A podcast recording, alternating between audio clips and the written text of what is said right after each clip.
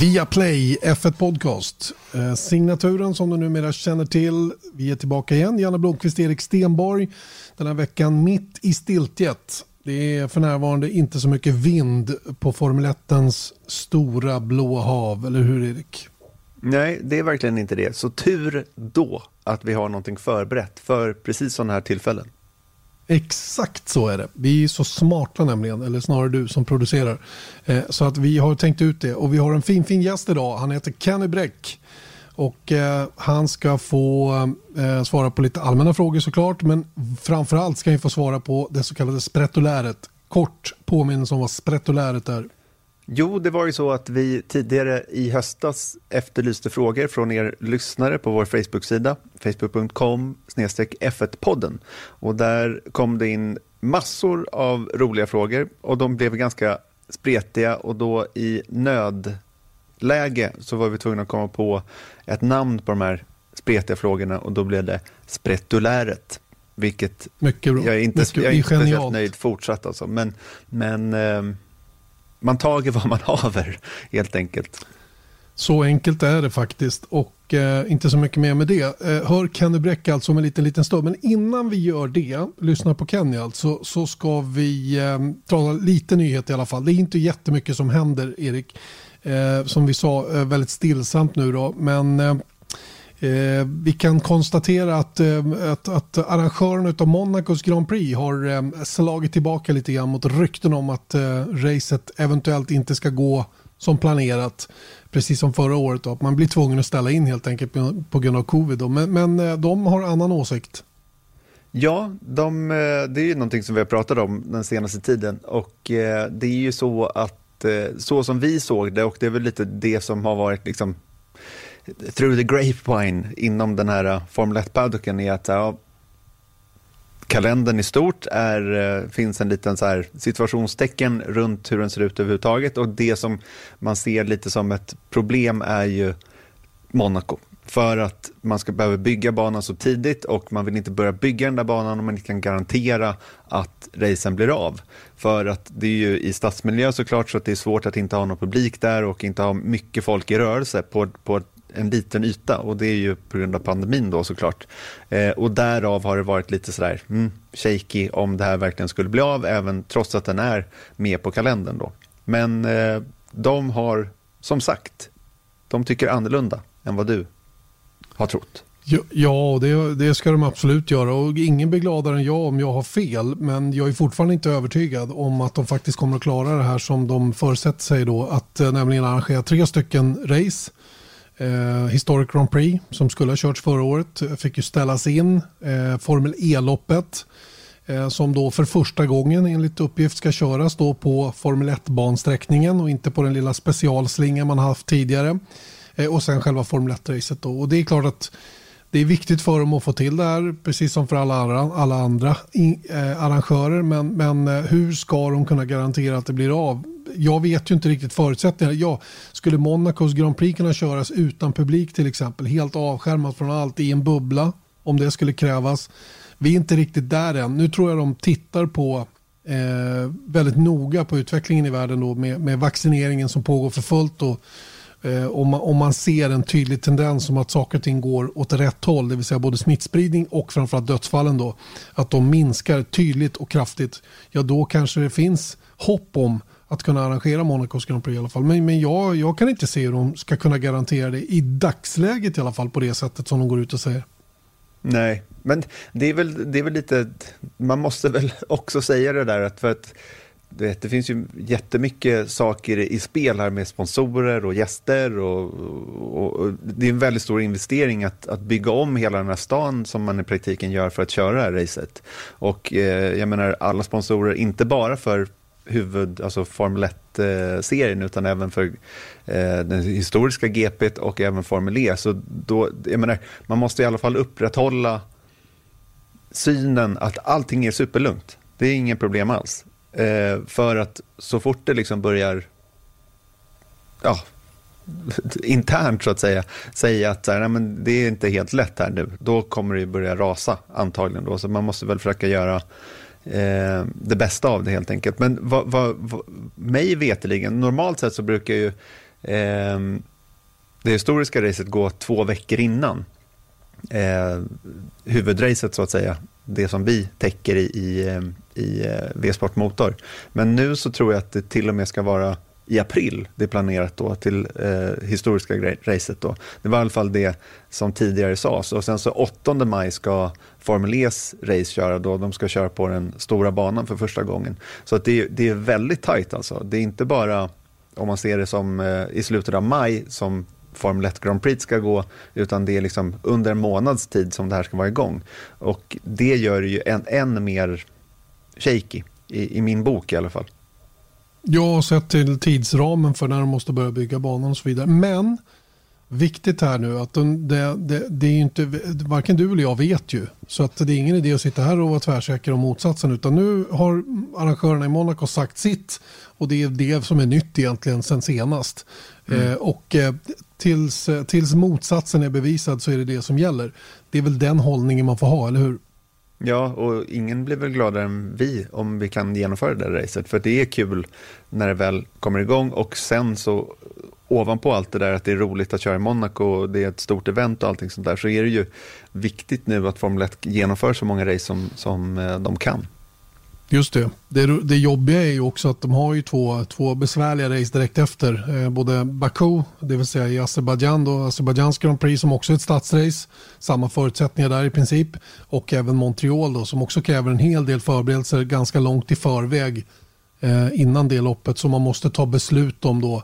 Eh, och inte just nu, men inom en kanske en månad eller någonting i den stilen. Va? Så att det skulle ju lämna ett stort, stort hål i den här kalendern Eh, om de här tre stadsloppen, om vi kan kalla Kanada det också, då, eh, eh, att de inte går att genomföra. Vi ska lägga till då att loppet innan, är ju, innan Monaco är ju Spaniens Grand Prix. Eh, det verkar väl någorlunda safe just nu, men i Portugal är det ju större smittspridning än någon annanstans i Europa för närvarande med en ny lockdown att vänta just där. Och de ska ju då enligt ryktena i alla fall vara det tredje racet då, det som det, som det var hål för det vill säga det som från början var det fjärde racet. Då, eh, är det ju sagt. Va? Så vi får se lite grann vad som händer. Men vi har tjatat om det här så mycket nu. Men nu har vi i alla fall gett det senaste runt omkring kalendern för närvarande och släpper därmed den tills vidare. Eh, Mercedes twittrade ut en liten cheeky bild på en penna. Mm. Och eh, det är ju lätt att dra slutsatsen då och med, med kommentaren då att ja men den här är ju bra om man ska skriva på något eller vad det nu är. Va? Då börjar man ju liksom känna att jaha, börjar det då kanske eventuellt bli dags för Lewis Hamilton och Mercedes att tillkännage att de faktiskt är överens nu och att pennan är satt på pappret. Vad tror du? Jag tror, jag skulle säga så här, chansen för att det där kommer gå igenom eller redan har det eller kommer annonsas inom väldigt kort är imminent. 99 procent säkert. 99,9 procent säkert. Till och med. Det är bra Erik. Det känner jag är en väldigt, väldigt stabil förutsägelse och jag är inte långt ifrån, jag säger 98,5 då. Bara för att inte vara exakt lika. Men, men jag är mycket övertygad om att de är överens. Eh, såg att Lewis Hamilton för övrigt är uppe i USA nu någonstans i, i skidtrakterna där och eh, förbereder sig, tränar. Tycker det är bra att träna på hög höjd för han tycker att det är så himla lätt när man sen kommer ner på havsnivå. Får lite mm. mer extra röda blodkroppar. Det där med höghöjdsträning är något som de som håller på med, med eh, så här eh, hjärt och lungsport ägnar sig åt en del åtminstone. Hur som mm. haver, jag eh, tror som sagt att det där är inte så långt bort i framtiden. Men ehm. det är ganska roligt, jag måste ändå säga att det är ganska roligt av Mercedes att göra det på det sättet. Att för att om, om du klickar på den där bilden då i deras Twitter-feed, och då står det då, man kan köpa den här pennan då, en logo pen för 10 euro kostar den. Den är svart, eh, one size och eh, då står det beskrivningar och pro product details. For signing contracts, drawing cars, etc. Keep it in your breast pocket. Det är väl bra? det är skitbra. Alltså, ja, men det, dels, det, dels är det det, men jag tycker liksom hela... Det är ju så man ska jobba på ett PR-mässigt sätt med den uppkomna situationen, eller hur? Ja. Men, och utöver det då, så det har ju varit väldigt mycket snack runt att så här, ja, men då kanske George Russell, han är ju billigare än, än uh, Lewis Hamilton och nu bevisade han ju i Bahrain där att, att uh, han är lika bra som, som Hamilton. Men det som man glömmer bort då är att om man tittar på Hamilton, vem han är. Han är skulle jag vilja säga, den enda riktiga superstjärnan inom Formel 1 som folk utanför Formel 1 känner till. Och mm. man ska absolut inte liksom underskatta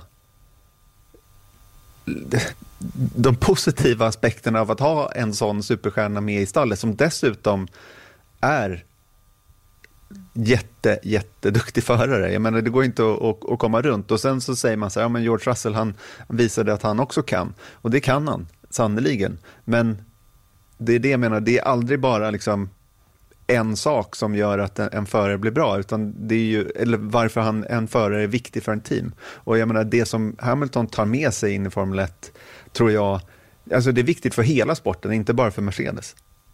Du har helt rätt i det och, och ehm, det är ju därför, det är därför han kan sätta den prislapp han gör på sig själv också. Med all rätt kan man väl också säga. Jag menar, han genererar ju väldigt mycket pengar till Mercedes också. Han är dyr, men inte så dyr som den här, som siffran låter som att den är för mm. den som ska betala. För jag menar, all merchandise som säljs eh, och, och sponsorattraktion. Jag menar, jag kan garantera att en sån som Lewis Hamilton i teamet drar till sig mer pengar än vad George Russell i teamet gör. Sen var brytpunkten går för hur mycket det kostar respektive genererar, det vet inte jag. Det kanske inte är på plussidan för Lewis Hamilton, men fortfarande har han ett stort, stort värde. Så att eh, man, måste, man måste diskutera runt det här utifrån det perspektivet också om man nu tycker att George Russell borde få chansen eller att Mercedes borde förnya eller vad det nu är för någonting så är det ju ändå många, många andra saker som spelar roll i det här. Mm. Men jag är som sagt på din sida. Ja, förlåt. Ekvationen är ju att sälja bilar för Mercedes. Mm. Och då är det så här, mm. vem, säljer vi mer bilar med George Russell och Valtteri Bottas eller med Lewis Hamilton och Valtteri Bottas? Och då är det ju, det är där någonstans ekvationen ligger hos, eh, hos Mercedes. Och sen så handlar det bara om att komma överens om den prissumman, helt enkelt. Just att de är nöjda med saker och ting. Eh, vi kan också berätta att Roy Nissani fortsätter som officiell testförare med Williams. Mm. Roy Nissani, denna gigantiska supertalang ifrån Israel, Eh, nu är jag ja. lätt ironisk. Jag vill inte på något sätt vara något personlig påhoppare av Roy Nissani men i ärlighetens namn så är han ju inte den killen. Han är inte the next one i Formel 1 så att säga utan här är det ju eh, andra saker som gör att han tar en plats åtminstone. Då. Men han kommer att eh, få en dags testande. Det tycker jag är fascinerande att han får en dag i bilen innan mm. säsongen startar. De bidrar nog med avsevärda slantar utav tre, precis. Eh, och det här är för korrelering då till simulator och hela den biten så att han vet vad han pratar om när han jämför de här två bitarna. Men vet det 17 alltså. Han måste bidra med en slant eller två. Mm, jag tror att de gör det. Om man tittar på när han först annonsades för, eh, för Williams då, då var ju hela gänget i Israel och eh, gjorde den annonsen med en bil och Claire Williams var där och så det var en stor, stor grej liksom som de gjorde av att han skulle bli liksom den, ja, the next Israeli F1-driver helt enkelt. Och eh, jag menar, det var inte han som hoppade in eh, när George Russell hoppade in i Mercedes så var det inte han som fick chansen i Williams eh, och så vidare. Så det är ganska intressant den där eh, aspekten av Formel 1, att det, är liksom, det finns alltid förare som är officiella reservförare och testförare, men alla vet att de inte är egentligen tänkt att köra. Jag menar, hette hon inte Carmen Jorda, eh, mm. Tatiana mm. Calderon, Roy Nissani? Ja. Jag menar, det, det, är ju, det finns ju ett Det finns ett helt gäng. Ja, ja, det finns ett helt gäng som har, som har haft roller som egentligen inte betyder någonting. Egentligen. Ett icke-jobb som jag brukar säga. Eh, förutom den här testdagen så kommer han dessutom att få tre stycken FB1-körningar då, Roy Nisani. eh, med Williams-teamet då för kommande säsong. Eh, det om detta. Ehm, vi kan nämna också att ehm, Indycar har börjat att röra på sig. Man körde sin första test. Några av bilarna var sju stycken på plats i Sebring igår. Eh, en hel del ytterligare idag. Jag tror att McLaren var på Barber så att man sprider ut sig lite grann och, och kör tester. Eh, Marcus Eriksson var näst snabbast för eh, Chip Ganassi strax bakom Scott Dixon med Alex Palou på en tredje plats. Och det skiljer nästan ingenting. Det var en tiondel mellan Dixon och Eriksson och några hundradelar till bara ner till Alex Palou. Den fjärde bilen för Chip Ganassi var dock 1,4 sekunder efter har för mig. Eh, Jimmy Johnson alltså som fortsätter. Han körde absolut flest varv i sina försök att förbereda sig någorlunda men han är väldigt, väldigt långt efter fortfarande och kommer att ha en jobbig säsong framför sig. Jag, är, jag tycker han är modig ärligt talat som, som sticker ut haken på det här viset. Eh, så att, jag, att, att liksom kritisera honom eller att misskreditera honom för att Get ahead of postage rate increases this year with Stamps.com. It's like your own personal post office. Sign up with promo code PROGRAM for a four week trial plus free postage and a free digital scale. No long term commitments or contracts. That's Stamps.com code PROGRAM. inte hänger med. Glöm det. Han gör, en, han gör en seriös satsning här och han har en jätteuppförsbacke. Det ska bli kul att se hur nära han kan komma. Men jag tror att det här året 2021 kommer att bli svintuff för Jimmy Johnson. Mm. Ja, men jag, jag lyssnade faktiskt på någon annan nyhetsrapportering runt det där. Att, att han, var, han är liksom långsammare än den här Dalton Kellett som är lite av en slagpåse som ska köra för Foyto eh, kommande säsong. Och, eh, jag menar, han är 45 år gammal, han är en av de absolut största i USA då, efter sina sju Nascar-titlar. Så att jag, jag, började känna så här, undrar om han ångrar sig, om han trodde att det här skulle bli lite enklare än, än vad han... Eh, för det är liksom det är lite unheard of att man sätter sig i den positionen att bli kritiserad, för han kommer ju bli kritiserad. Mm. Det är där modet kommer in tycker jag. För att kan han mm. klara den skitstormen som kommer att komma mot honom så, så gör han det väldigt, väldigt bra. Och det går ju inte som Jimmy Johnson med det namnet och med den meritlista han har att flyga under radarn heller. Utan du är liksom exponerad direkt. Och han hoppar in i ett av de absolut starkaste teamen dessutom. Med tre sjukt bra teamkamrater som kommer att visa vad skåpet ska stå. Men det kan också gynna honom naturligtvis att köra ihop med en annan veteran, Scott Dixon, Marcus Eriksson med sin erfarenhet och även Alex Palou förstås. Så att eh, det här är lite, det är lite intressant tycker jag. Eh, på samma tema när det gäller Indycar eh, så finns ju det här Formula Regional Americas då som Linus Lundqvist vann förra året och fick då ett scholarship som då ska täcka för en Indy Light-styrning eh, till ett, eh, ett Honda-relaterat team. Då. Det är alltså Honda som står för de slantarna. Honda meddelade igår att de nu kommer att starta ett scholarship för nästa års vinnare, kommande säsongs vinnare. Eh, ett, ett, ehm, ett, ett vad heter det? scholarship på svenska. Det heter stipendium.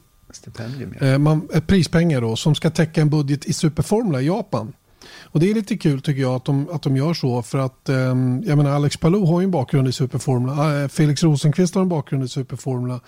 Uh, var inte, um, var inte um, Pato, Pato Ward en sväng över till Japan också? I alla fall var det väl tänkt så för Red Bulls räkning. Jo, han körde Hur som något, har... ett eller två race förra året. Ja, Ja, gjorde han det va? Och eh, det där är, det är lite spännande faktiskt att Honda väljer att göra på det här viset nu då och eh, öppna upp dörren då och, och, öka statusen på det här Formula Regional Americas då som, som, eh, som uppenbart då eh, behöver lite draghjälp för att få in de lite bättre förarna. Eh, Linus Lundqvist valde ju ett bra år förra året. Han körde ju hem det där så det bara dånade om det. Och eh, nu hoppas vi bara på att det kommer en bekräftelse snart nog om att han tar steget upp i, i Indy Lights och blir bekräftat där. Mm. Ytterligare eh, Indycar-nyheter kan ja. man väl nämna då att Romain Grosjean har börjat dyka upp igen. Det har varit väldigt tyst runt honom. Det var väl egentligen efter hans krasch där i, i Bahrain som det var lite så här, men nu kanske han slutar. Det var någonting som vi pratade om också, men nu är ryktena starka igen att han eh, ska gå över till eh, Dale Coyne i Indycar. Nej, jag skrev väl det för flera månader sedan att han skulle köra för Dale Coyne. Absolut. Jag har inte ändrat mig än. Nej, jag Nej visst, men, men jag menar att ryktena steg, ja, ja, sjönk ja. och nu har de stigit igen. Så är det. Och det är uppenbart att han, eh, han är sugen att fortsätta race i alla fall och att den här möjligheten att köra för Dale Coyne fortfarande finns då. Eh, vi såg ju till exempel också att Marco Andretti kliver av en ordinarie styrning i Indycar eh, ihop med Andretti Autosport och, och det är också en sån där det har hänt en del tycker jag. Jag menar Santino Ferrucci, han skriver på för ett team i, i, eh, i klassen under Nascar. Mm. För att köra, köra en ja, Xfinity Series. Vad var det, 20, 20 outings eller någonting sånt för hans del. Då. Kanske något enstaka inhopp i Indycar. Men det, det har rört på sig lite grann under vintern i vilket fall. Så att, eh, spännande får man väl ändå säga att detta är. En sista grej också innan vi lämnar över till en annan person med amerikansk anknytning. Eh, det är ju det här, eh, det, det, var en del som, som eh, läste att Marcus Eriksson då eh, eventuellt var på väg in i det här IMSA-teamet då i den här Chip Ganassi-bilen då, en Cadillac-prototyp då som ska åka på Daytona 24 timmars. Eh, det vi har utrönt så här långt är att han ska testa för teamet. Eh, och att han finns, finns med i den testing lineup som, som ska förberedas inför Daytona. Men han ska inte vara någon ordinarie förare i teamet utan mer eller mindre en reserv. Då.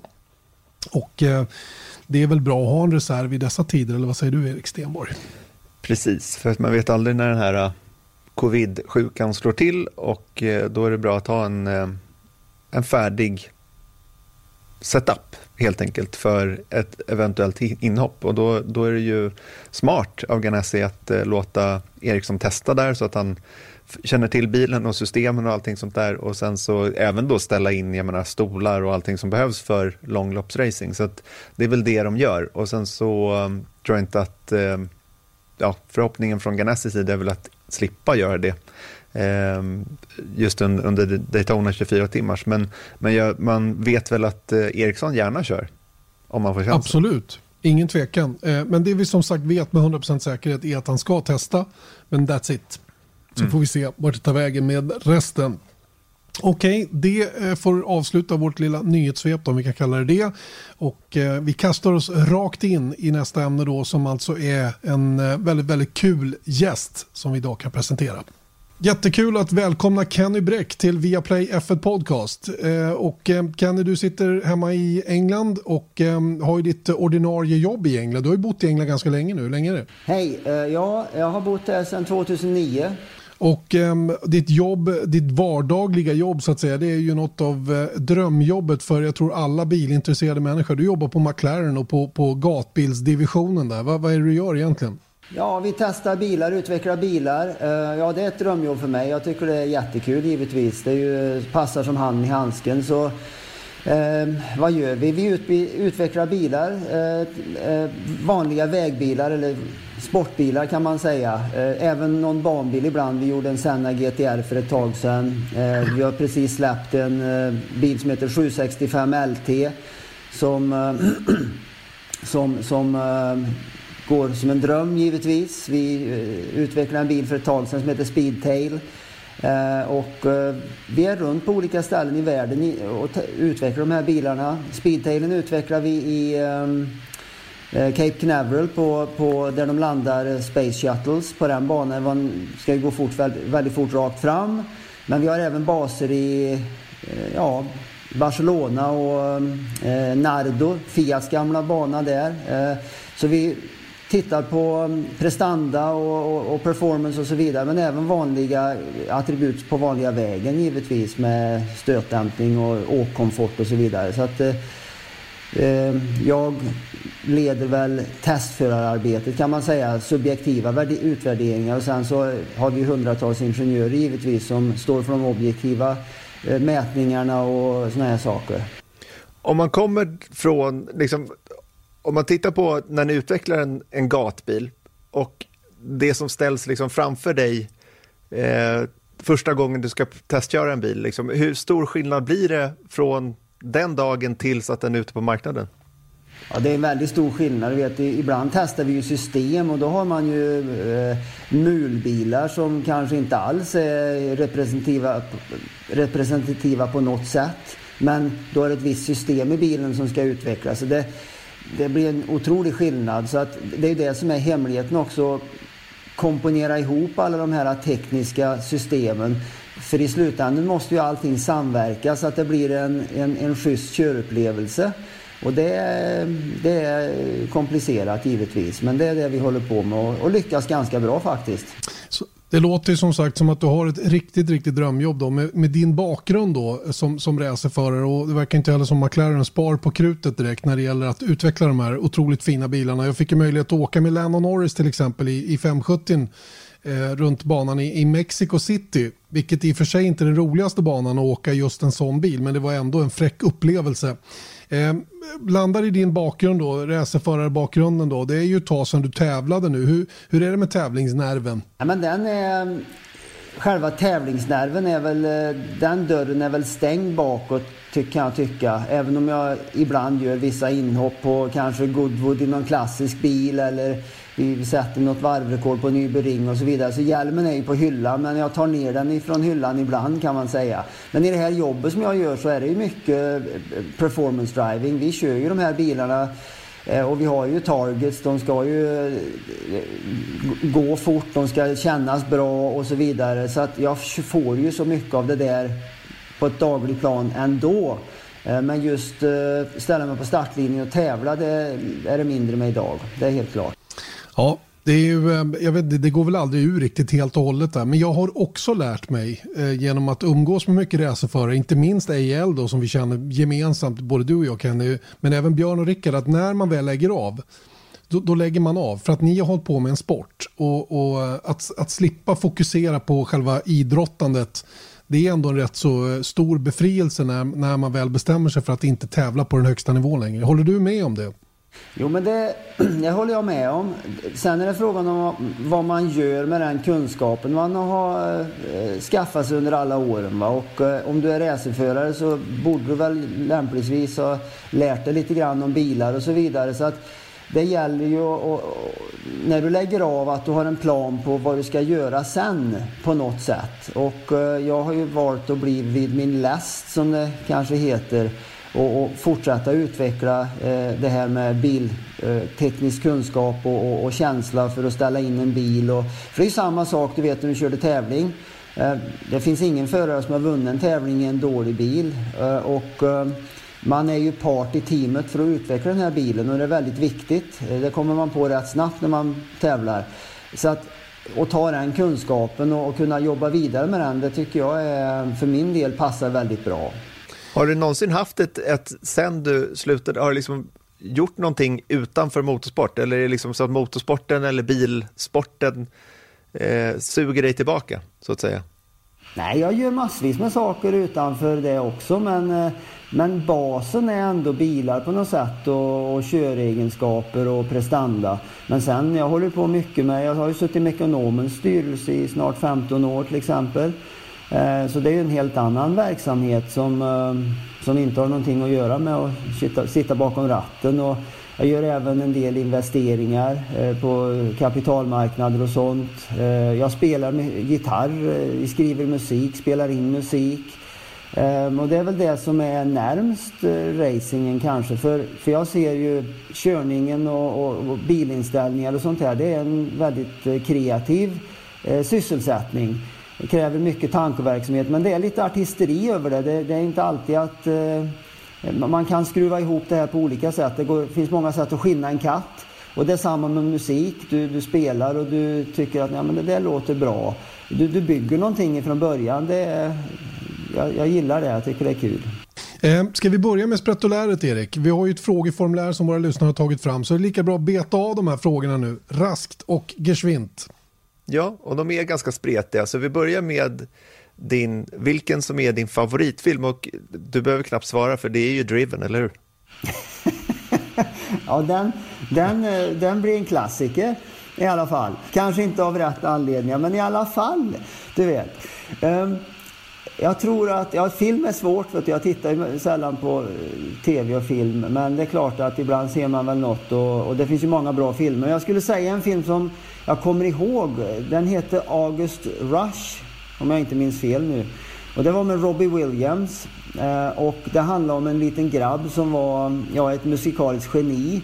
Men hade ju inga riktiga möjligheter. Men sen så fick han oväntad hjälp och det, blev, det var en väldigt fin film, inspirerande. Den eh, minns jag, den, den skulle jag rekommendera att se. Favoritfilm var det? Favoritfärg då? Har du någon sån?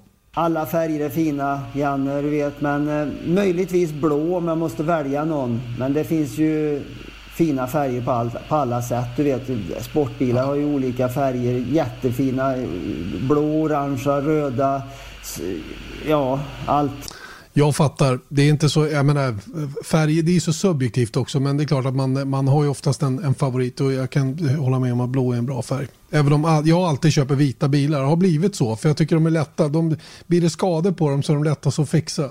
Ja, men de, eh, eftersom jag tvättar ju nästan aldrig min bil, då blir de jobbiga att ha på det sättet du vet. Så att det finns alltid för och nackdelar. Men eh, det finns ju idag jättemånga nyanser, eh, pastell och glittriga. Och, så det är svårt med färger. Men, men visst. Då, då ska vi titta på någonting som är lite intressant. Vilket Formel 1-stall håller du på? Det är inte så svårt att svara på. Nej, jag håller ju på McLaren givetvis. Eh, men, eh, men jag, tycker att, eh, jag tycker de gjorde en bra säsong i fjol faktiskt. Måste jag säga. Och Sen är det ju, man känner ju folk på de flesta teamen, Red Bull bland annat. Det är klart jag tycker det är roligt när de gör bra resultat. Man känner många människor där. Eh, Mercedes eh, likadant. Det finns, ju, det finns ju en mänsklig faktor i det eh, och sen finns det en sportslig faktor. Och det, det är ju, när man håller på någon så, ja, då är det på det mänskliga planet det mest beror på tror jag. Så blir det. Eh, om du fick en tidsresa då för att tävla i Formel 1, vilken säsong skulle du åka tillbaka till och vilket stall skulle du köra för då? Ja, Formel 1, som jag ser det, så var nog den bästa, eh, för mig i alla fall, 80-talet eh, var en väldigt, eh, väldigt intressant period och eh, även början på 90. Och skulle jag eh, åka tillbaka dit så skulle jag nog eh, 92, 93 någonstans för då fanns det, då var det aktiva bilar och, och, och V10 och, och det var, de såg fräcka ut bilarna och gick fort och det var, jag minns ju rivaliteten mellan ja, Piqué och Mansell och sen Mansell och Prost och, och Senna och alltihop det där. Det, det var en, eh, en, en, era som jag kommer ihåg med glädje. Så jag skulle nog säga 92 eller 93 där. Det, och, och Williams förstås, den här Camel Cannon-bilen. Visst var det så att du testade för Williams i Formel 1 lite senare då i karriären eh, efter att du hade klarat av det här med Formel 3000? Ja, det, ja, jag var före det egentligen. Jag, fick ett, eh, jag körde ju Renault Clio så jag fick ju ett eh, Formel 1-test eh, av, eh, av Williams och det var ju 93. Ehm, eh, så jag var ju på Paul Ricard och körde den bilen eh, då. Stämmer. Um, och ehm, ja, det förklarar kanske varför du gillar just 92an där och Williams-bilen då. För att du, du har ju nästan smakat på den. ja, men eh, jo, jag körde ju den där som sagt var. Men, eh, men eh, det var ju även spännande för övrigt givetvis det här. Det var ju, och sen är det mm. bra, du vet den bilen, du, du blev ju sämst tvåa med den så att det var ju också bra. Det är inte dumt. Du, Janne Blomqvist ty tycker jag är en Skoda Yeti. Men om du var en bil, vilken bil skulle du vara? Jag skulle nog vara en sån här eh, folkvagn, eh, vad heter de? Lovebug kallas de väl för. De här skåpbilarna du vet, på, någonstans på 60-talet där kanske Janis Joplin och, och det möjligen, något sånt. Om du inte hade sysslat med motorsport, vad hade du hållit på med då? Svårt att säga, men på den tiden när, när eh, i tonåren där, då var det ju... Jag, dels utbildade jag mig till elektriker, så jag jobbade ju på, åtminstone på somrarna som eh, elektriker i farsans företag, enmansföretag. Eh, och, men sen höll jag ju på att spela mycket också, så jag vet inte. Om jag får drömma så hade jag väl tänkt att då, då, då säger jag väl musik då, men det är inte säkert. Men kanske. Det var en passion i alla fall. Det låter ju som ett rimligt val med tanke på ditt stora intresse för det då. Du, du spelar en del fortfarande. Har du något band och sådana grejer? Ja, vi har ett band. Vi spelar, jag har ett band i London så vi spelar och skriver musik och spelar in och så där vidare. Vi tycker det är kul, du vet. Det är, det är en jättekul hobby. Jag gillar ju det, du vet. Det är så. Vad, är det, vad har du för favoritmusik? Mycket olika, men, men det, är ju, det baseras ju i, i, i rhythm and blues, blues och rock'n'roll och sånt. Sen så finns det ju rockinslag, det finns ju country outlaw, det finns singer-songwriter-inslag. Eh, mycket, väldigt blandad eh, musiksmak. Så att eh, nu spelar vi lite lugnare musik än vi gjorde förr. Men det är mycket slidegitarr och sånt där. Men det är väldigt mycket blues och rockbaserat i botten om man säger så. Så det, det ligger nog där ungefär. Och vad, vad är på Spotify då när du hoppar in i bilen? Vad är det som hoppar igång? Um, just nu så är det Lucinda Williams faktiskt. Um, och um, en annan tjej som heter Mary Gauthier. Men sen så John Mayer och det, det är lite olika. Jag gillar blandad musik. Jag tycker det är med, med, med god feeling sådär. Då kan vi gå vidare där. kanske kommer någonting som tangerar det du precis svarade på. Men vem är din förebild inom racing och utanför? Det kan alltså vara två olika personer? Jag tycker ju AJ Foyt är en förebild inom racingen för mig. För att han var i en era när, när det var den egna kreativiteten som, som avgjorde hur, hur bra det gick och hur, hur, hur determined man var och så vidare. Och han, han vann fyra Indy och jättemånga mästerskap och jättemånga race. Och han, var, han visade ju under en lång tid att han var eh, otroligt duktig. Le Mans och allt möjligt. Va? Ehm, och, ehm, men det finns många, det är ju givetvis så. Men så skulle nog mitt svar bli på den. Och mm, för övrigt, jag vet inte, kanske Dalai Lama eller någon som sitter och tar det lite lugnt och inte blir så uppstressad och uppjagad överallt. Det, det behövs lite lugn i världen. Det kan, det kan jag verkligen hålla med om, i synnerhet i dessa tider, eller hur? Vi ska komma tillbaka till AJ Foyt lite grann, för vi vill också bara påpeka att han var ju din teamchef åtminstone 98-99, var det mer än så? Nej, det var 98-99, men, eh, men vi har ju... Ja, det är ju över 20 år sedan och vi pratar ju två, tre gånger om året fortfarande. Så att det har varit en... Vissa människor fastnar ju i liksom vänskapsnätet på något sätt. Alright, vi fortsätter i rask takt. Nu kommer en lite konstig fråga här talat va. Men om du skulle få, du måste sätta dig i en Formel 1-bil och så är det någon som sätter på dig en ögonbindel och så måste du då välja vilken bana du tror att du hittar runt på utan att se vart du ska köra. Vilken bana skulle det bli? Ja, du sa ju själv, det var en konstig fråga men det skulle väl bli någon av F1-banorna då, för det gör det ju inget om man inte håller sig på banan. Det, man åker ju bara till bensin tar slut. Jag trodde du skulle ta något val och så sitta och räkna sekunder eller något sånt där när det är dags att svänga vänster. Jag tror det blir svårt. Jag tror det blir svårt. Ja, ja säkerligen. Nåja, den är inte lätt den frågan. Verkligen inte. Kanske en dum fråga då med, med, med anledning av ditt jobb, men vad, vad har du för bil idag? Min bil är en uh, Toyota Corolla Verso från 2005. Mina barn och alla gör narr av mig med den bilen. Men du vet, det har blivit en, nu har det blivit så att den är ju eh, 15 år och det, det blir ju så här att man har en... Ehm, det blir nästan en sport nu att få den att överleva i fem år till så den blir 20 år gammal. Apropå din väldigt eh, coola Toyota då. Jag, jag minns när jag följde dig när du var liksom aktiv runt 98-99 där så tror jag att du hade en Volvo 240 i USA. Stämde det? Nej, inte i USA, men jag, har, jag hade en eh, 240. Min dåvarande fru hade den och körde i och den har jag kvar. Den står i någon eh, lada uppe i, i, i Värmland där. Um, men eh, nej, i USA hade jag andra bilar. Vet, jag hade, så att det var en svensk företeelse. Men det, men det var ändå någon form av, av tanke, som jag minns det i alla fall, att jag läste någon artikel tror jag, att det var så här, ju mindre grejer du hade, så kunde du liksom fokusera mer på racingen. Och då ville du ha någonting som inte var så krångligt, liksom. ingenting som skulle gå sönder, för då kunde du tappa fokus på racingen. Är det en korrekt beskrivning? Jag har den åsikten fortfarande att desto mindre du äger desto friare är du. För alla grejer du äger måste du ju engagera dig i. Så att eh, när det gäller bilen så, så jag har ju små barn, du vet, de, de ska in cyklar, de ska, de ska åka till fotbollsträning och så kommer de hem så ser ut som en lergubbe och så äter de McDonalds i sätena och så tappar de en milkshake. Och, du vet, om du har en ny fin bil då, då är inte det så roligt. Och, och sen parkerar du någonstans och så är det någon som öppnar dörren och så blir det en liten buckla någonstans och där. Du vet, har du en gammal bil så kan du bara skratta åt allt det där och så kan du vara glad ändå. Snacka om att glaset är halvtomt här. Nej, för fan. Det är halvfullt eller helfullt. Jag har inga sådana problem.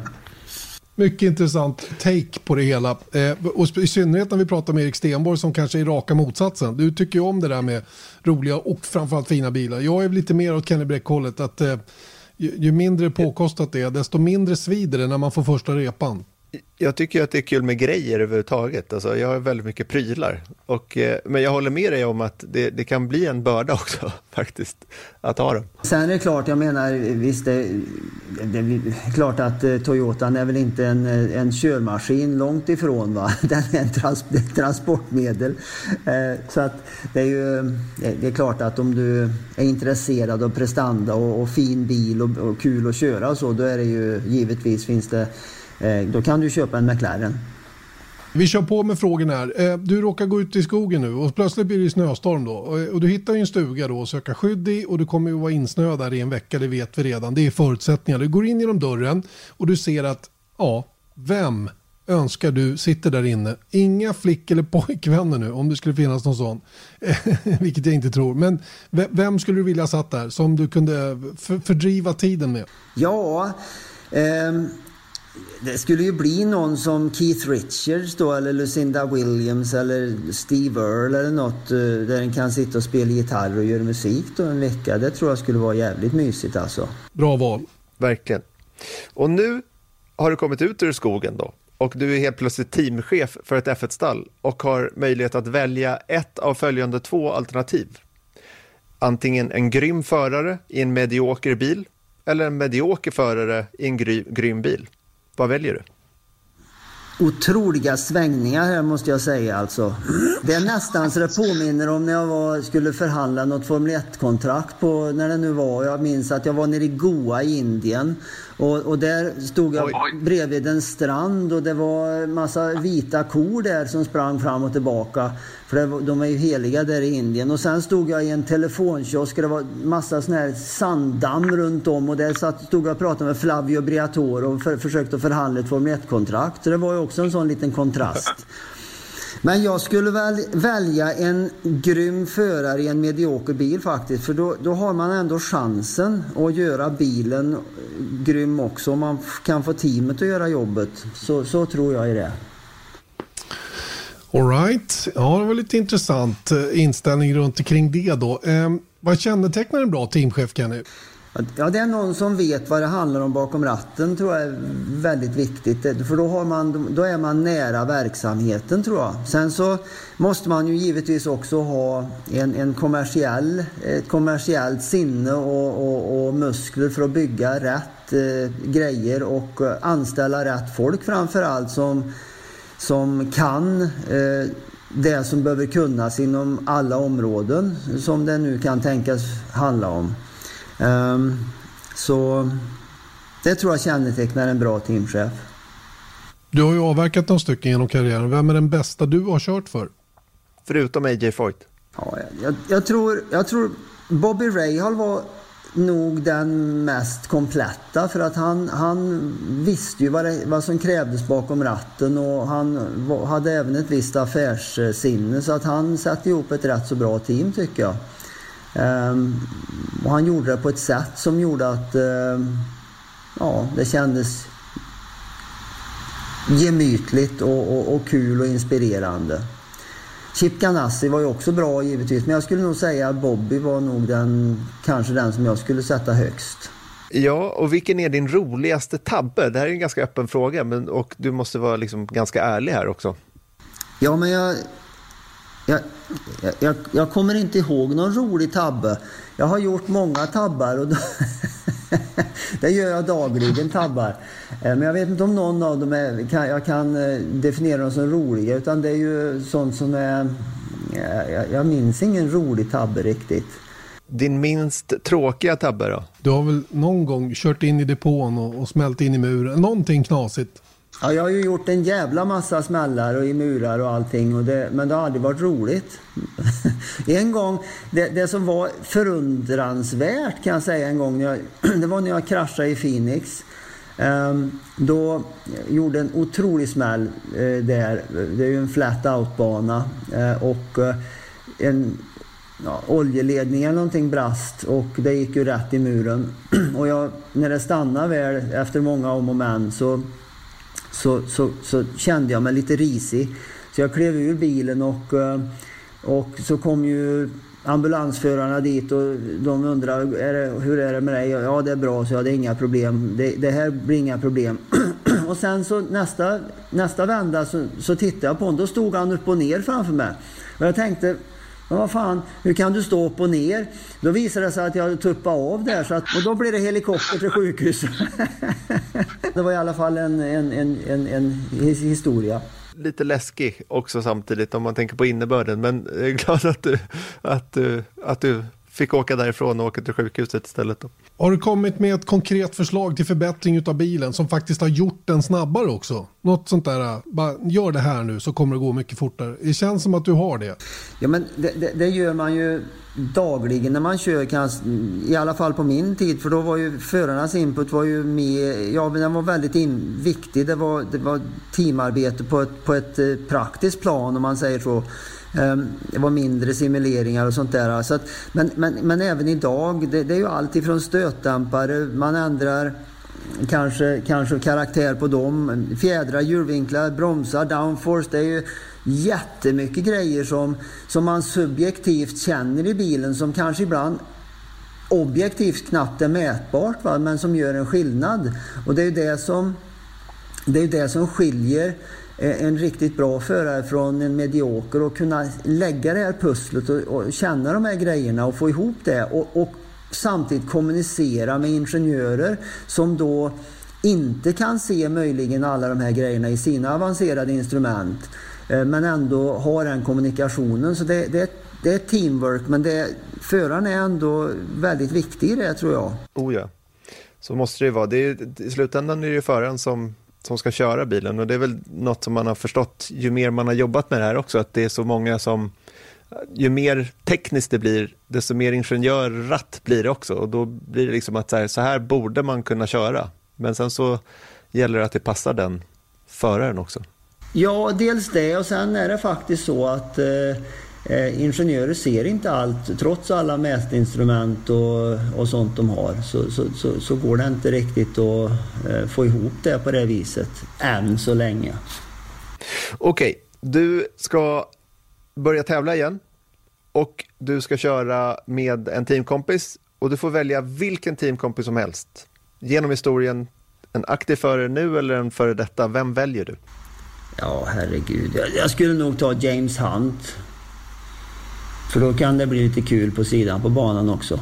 Han var ju bra att köra och, eh, och han eh, hade ju bra inställning till livet och så där vidare, du vet. Ehm, så det, det, skulle jag nog välja. Men, men generellt sett så skulle jag säga att man ska alltid ha en bra teamkamrat. Eh, och, och sen vem det är, det spelar kanske inte så stor roll faktiskt. Samtidigt när du säger James Hunter, som jag minns dig när du var aktiv så var ju du raka motsatsen till James Hunt. Alltså du var ju otroligt fokuserad och han var ju mer lite laid back sådär. Har jag rätt i det? Ja, men då blir det ju en skön mix av saker och ting, du vet. Och då uppstår det en stämning i teamet som är rätt så, så fin. Man får ju tänka som helhet. så är det ju såklart. Vem skulle du under inga omständigheter köra med som teamkamrat då? Finns det någon sån? Så där, den där kommer jag aldrig att tävla tillsammans med i samma team, ever. Nej, i, i, det finns ingen person som jag tycker... Eh, som, det, är inte, det är inte en personfråga för mig. Eh, utan det är nog mer en fråga om eh, karaktären på, på liksom, eller inte karaktär, förlåt mig, eh, på, på kunskapen.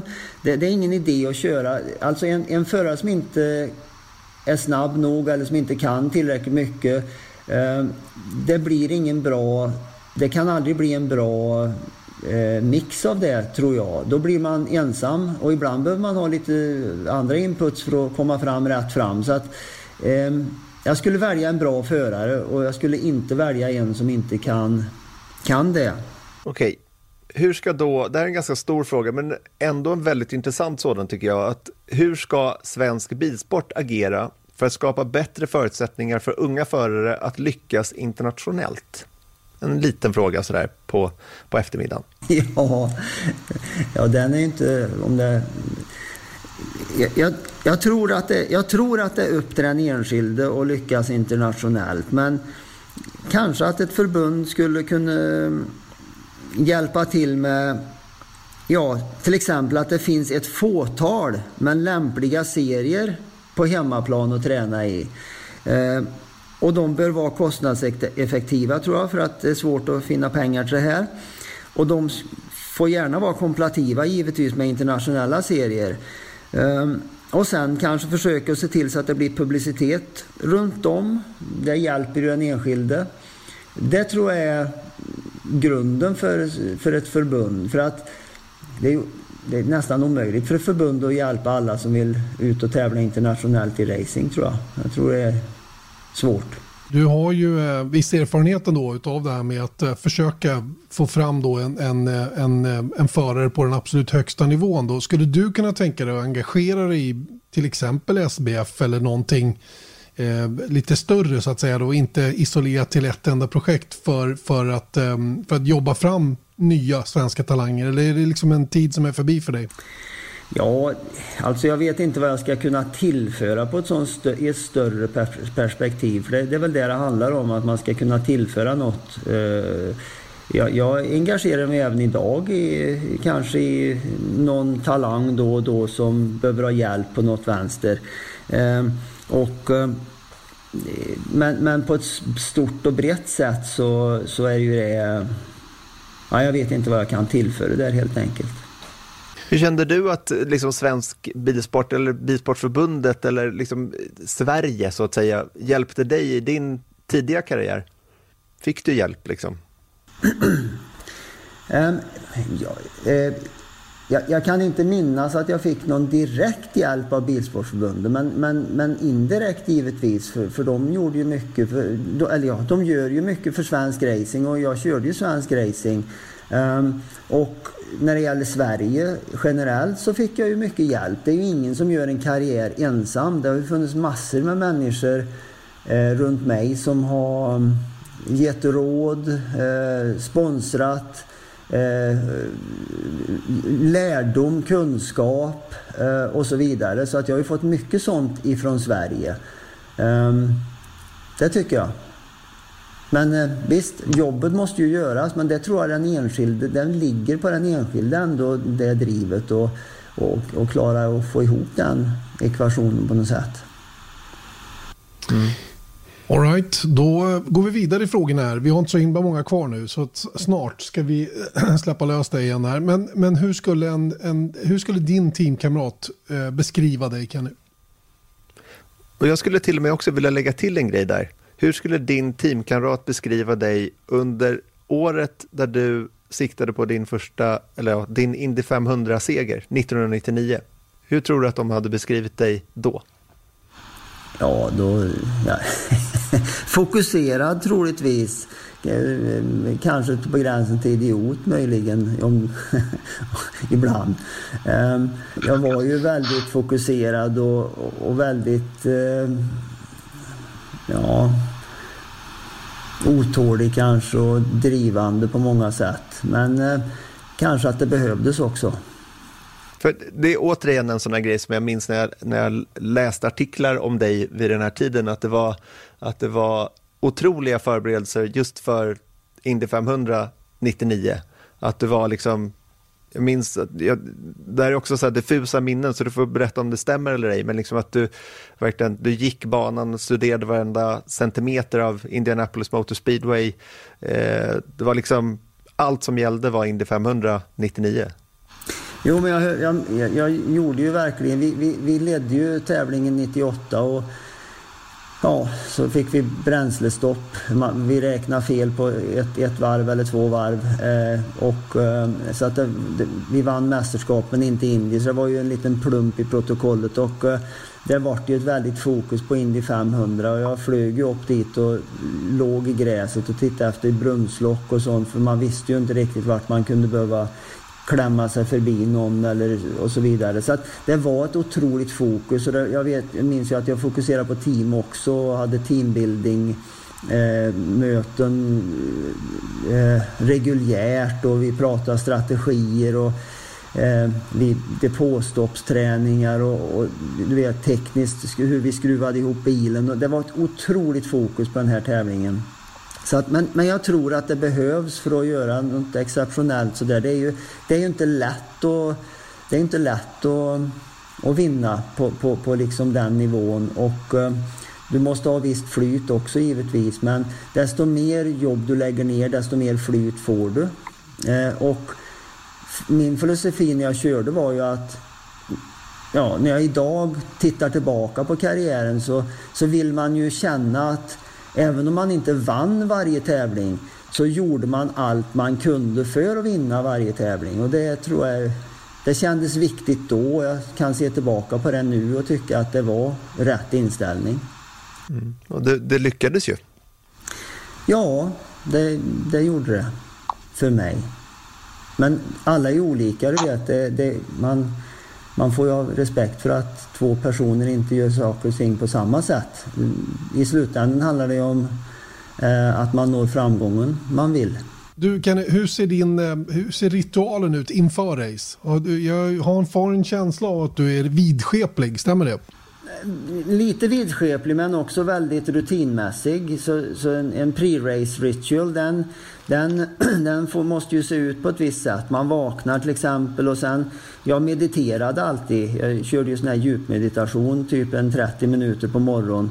Och sen hade jag en speciell diet som jag åt, eh, frukost och lunch. Eh, och sen så drack man speciell vätska som stabiliserade blodsockret under den tiden tävlingen skulle vara. Och sen så var man tvungen givetvis att kliva i bilen ifrån vänster sida eh, varje gång. Det var viktigt. Ehm, och det var väl en vidskeplig grej. Så det var en blandning av lite olika grejer. Men eh, du vet, eh, ett, ett vinnande recept måste man hålla fast vid. Vet du. Det är ju så. Kenny, har du varit rädd i en racerbil och när var det i så fall? Ja, eh, det har jag väl varit någon gång och om man ska sätta ett ansikte på det så måste jag nog välja Indy 1997. För det, på den tiden var det ju Indy 500 dessutom en hel månad med alla tester och sånt innan tävlingen. Och bilen, jag var helt oerfaren med det här med ovalracing och jag hade en ingenjör som var också eh, oerfaren så det var som en blind leder en blind. Och, eh, Ehm, bilen den blev ju därefter och den var ja, helt oförutsägbar och det är väl det värsta man kan ha när man kör i 400 km i timmen mellan två stenmurar. Så att det där var ju det var en, en, en stilla bön till Gud eh, före varje dag började och det var en stilla ben till, ben, bön till Gud eh, när, när, när varje testdag var över och man var fortfarande vid liv. Det var, det var ingen trevlig upplevelse. Men eh, men jag tänker, jag, jag, eh, jag, vet inte om jag hade förväntat mig något svar här. Jag tycker ditt svar var, var bra. Jag undrar bara dock, det var ju en ganska stor krasch alltså i Texas 2003. Han du, vara, han du bli rädd vid det tillfället, som du minns det? Nej, det, det minns, nej, det gjorde jag nog inte. Det, jag minns inte det, men jag tror inte det. För jag hade ju, krascher händer ju ja, med frekventa mellanrum. Ehm, den kraschen händer inte så ofta, kanske man, men, men man hade kanske inte tänkt att det skulle bli så innan det hände. Så att jag tror inte jag hann att bli något vidare rädd före det. Hur mår du idag efter den kraschen? Det var ju ganska stora skador. Det var över 200 G du utsattes för den kraschen där på Texas Motor Speedway. Ja, Jo, det var det ju. Nej, men jag, idag mår jag rätt så bra. Jag tycker inte att det är några större problem. Det är klart att jag känner av det. Det, det ska jag väl inte sticka under stol med. Jag är ju ingen direkt... Eh, jag springer ju inga eh, längre sträckor och så där vidare till fots. Utan, men jag går eh, precis som vanligt och gör allt som jag behöver och jag har inga större problem med det. Eh, än så länge, peppar peppar. Då hoppas vi att det fortsätter att vara på det viset. Eh, avslutande frågan till Kenny Bräck, vår gäst alltså, som har fått eh, stå ut med sprettoläret idag. Vem vinner Formel 1-VM 2021? Oj, oj, oj. Ja, kan det bli någon annan än Hamilton i en Mercedes tro? Eh, de ser ju ut att ha ett stort övertag. Men man vet ju förstås aldrig. Kanske kan det bli en Verstappen. Eh, jag vet inte. Men jag skulle säga Mercedes och Hamilton. Inget, ingen orimlig gissning på något sätt. Alright, då är vi faktiskt klara med eh, utfrågningen av dig Kenny som, eh, som har varit intressant. Jättekul att få, att få prata om det och, och gå, gå igenom alla de här grejerna. Eh, vad står närmast på agendan för din del nu? Ja, nu ska vi eh, ha lite tekniska möten och imorgon är det testning med McLaren. Alright. Eh, utanför eller inom England? Ja, det blir inom England. den här veckan skulle jag varit i Spanien men det blir inställt på grund av nya covid-regler. Nästa vecka blir det Italien. Just det. Ni är lite inlåsta i UK just nu. Det är inte så himla, himla lätt att, flytta på sig om jag förstått saken rätt. nej, det, det, nej världen eh, anser tydligen eh, England som the plague just nu så det är svårt. Men, men ja, så är det. Det är tuffa tag. Det är sånt som man får leva med. Tusen tack för att du var med i vilket fall som helst och eh, ha en, eh, ja, en bra fortsättning på det här året. Vi kanske dyker på varandra igen, det vet man aldrig. Det är bra, tack så mycket och eh, lycka till med allting. Du, vad roligt att ha Kenny Bräck med oss i den här podden. Det har varit a long time coming känns det som. Ja, på något sätt har det varit det. Ehm, men nu fick vi äntligen till det. Mm. Och eh, vad kul, vilket gott humör och, och vad, vilken tillvaro han verkar ha just nu. Mm. Jag, jag eh, skulle inte tacka nej till att så här, köra lite McLaren på, till jobb, liksom, utan press eller ja, på det viset helt enkelt. Jag, jag, skulle nog ta det jobbet om jag fick det. Men jag tror inte att någon skulle erbjuda mig det, tyvärr. För, förmodligen inte, men vi kan ju jobba mot Erik. Det vet du. Man kan, ska aldrig ge upp sina drömmar. De finns Nej, där någonstans för att man ska jaga mot dem, eller hur? Ja, jag har till exempel märkt att man kan stänga av eh, eh, antisladden på min bil. Så att jag, jag har börnat lite på, ute på landet. Sladdat lite. Stabilt. stabilt. Mm. Är din också, jag har ju nu blivit elbilsburen också. Men där går mm. inte att stänga av antisladden tyvärr. Nej. Eh, trots att den är bakhjulsdriven. Nej, men jag är jättenöjd med känslan i den. Jag tycker den är toppen. Så att eh, det, mm. det, men det tar vi ett annat forum. Eh, tycker jag, än, än, just här. Eh, istället tar vi och rundar av veckans eh, Viaplay F1 Podcast och ber att få se på återhörande nästa vecka. Då har vi också en eh, före detta racerförare i Formel 1 som, som gäst. Eh, och eh, det blir spännande att, att lyssna på det. Det är alltså Reine Wiesel som ni ska få träffa nästa vecka då som eh, tävlade i Formel 1 då, parallellt med Ronnie Pettersson kan vi säga då under 70-talet. Mm, absolut, och sen så har vi ännu mera sådana där spretulär intervjuer på gång. Bland annat oh, ja. med Marcus Eriksson. Scott Dixon ska, har tackat ja till att vara med. Kan vi inte få Jimmy Johnson också när vi ändå håller på och river av Chip Ganassi Racing och har svensk anknytning där? Jag frågar inte mig, men du kan ja, fråga mig om jag ska försöka fixa det. det. det. var indirekt så frågan löd, fast, fast du inte förstod det på en gång. Nej, exakt. Låt mig ge det ett försök. Bra, mycket bra. Det ser jag fram emot. Eh, tills dess, tack och på återhörande. Ha det gott. Hej då! Hej då!